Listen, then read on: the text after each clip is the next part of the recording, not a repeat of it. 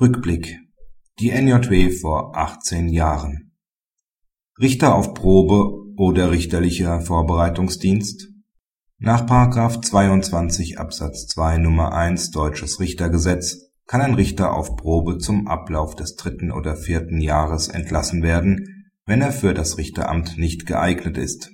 So erging es auch einer Anwärterin in Sachsen Sie hatte eine persönliche Beziehung zum Justiziar einer Wohnungs und Baugesellschaft aufgebaut, die Partei in zahlreicher ihrer Verfahren gewesen war. Anschließend hatte sie davon abgesehen, diese Befangenheitssituation bei der Dienstaufsichtsbehörde und den Parteien anzuzeigen.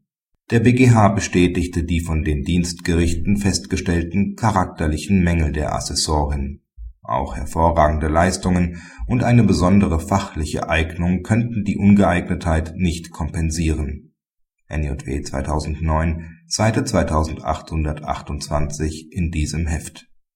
Nach Meinung von Rainer Lippold dürfte es die Bestimmungen über den Richter auf Probe in dieser Form gar nicht mehr geben.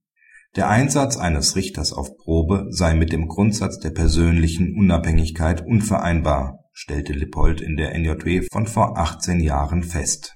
(NJW 1991, Seite 2383) und plädierte für die Einführung eines richterlichen Vorbereitungsdienstes nach dem Vorbild Österreichs